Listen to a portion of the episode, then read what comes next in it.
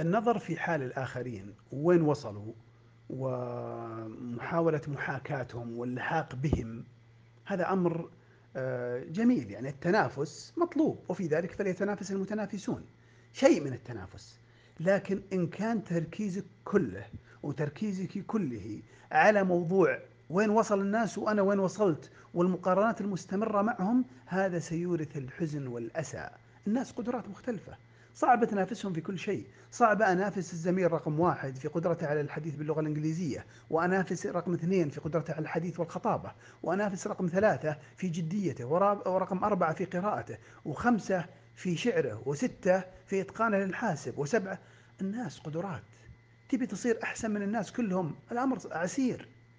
أفضل حل لأضمن لك تطوير ذاتك أن تنافس ذاتك. نعم أن تكون اليوم خير منك أمس. وأن تكون غدا خير منك في هذا اليوم.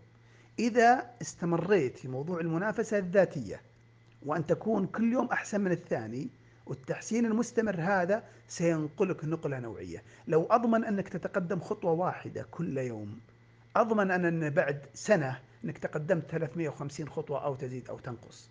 يقينا لا يقبل الجدل. لكن لما تقول لي والله أنا تقدمت على اللي جنبي وحولي فيمكن اللي جنبك ماشي ثلاث خطوات الثاني سبع فأنت ماشي عشر. يعني صاير أحسن السيئين. ولذلك لا ترتبط دوما بالنظر في من حولك ومنافستهم ولكن بنفسك نافس نفسك بنفسك.